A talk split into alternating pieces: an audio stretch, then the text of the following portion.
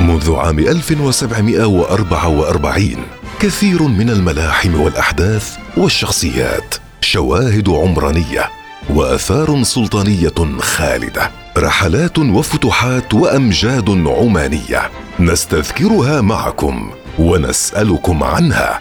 في المسابقة اليومية الدولة البوسعيدية للمشاركة والحصول على فرصة للربح. أرسل رسالة نصية قصيرة بكلمة الوصال على تسعين أربعة ستة ستة.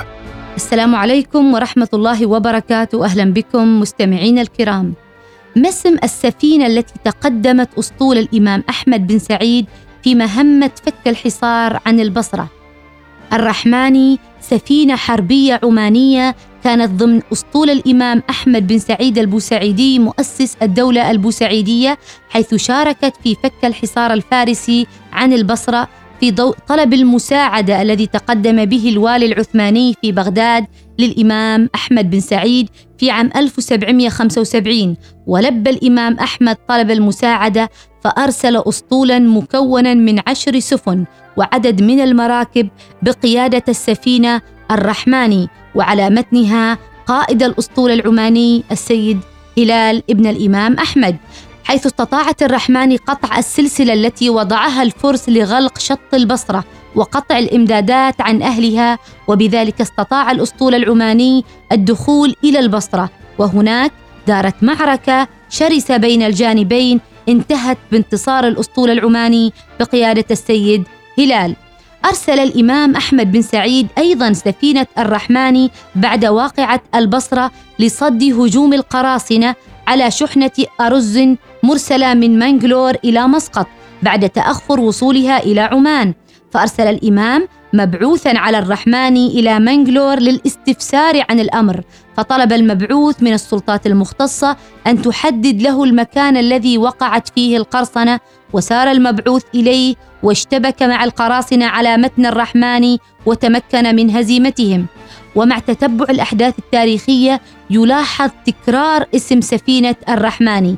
فهذه السفينة كانت ضمن أسطول الإمام أحمد بن سعيد وهنالك أيضا سفينة أخرى بذات الاسم في أسطول السيد حمد بن سعيد البوسعيدي وسفينة أخرى باسم الرحمن كانت ضمن أسطول السلطان سعيد بن سلطان البوسعيدي.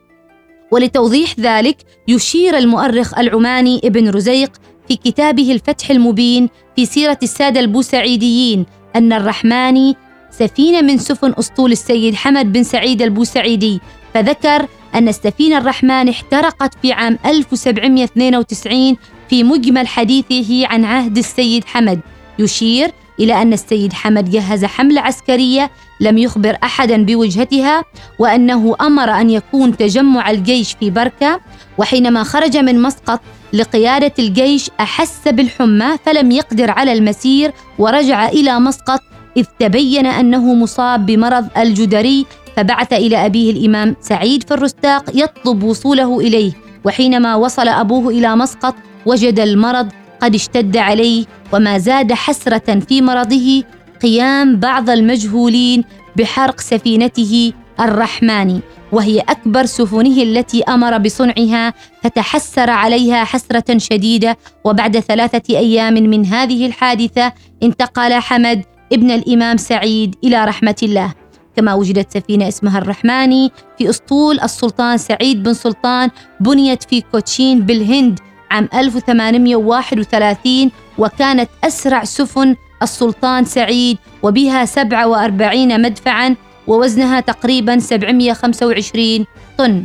ختام القول عرف العمانيون بأنهم أسياد البحار وكانت السفينة عنصرا مهما كونها وسيلة حملت الإنسان والأفكار والسلع والبضائع وشكلت ثلاثية في التاريخ العماني السفينة السلع الموانئ وبالسفينة جاب العمانيون البحار كرسل سلام وثقافة وعلم.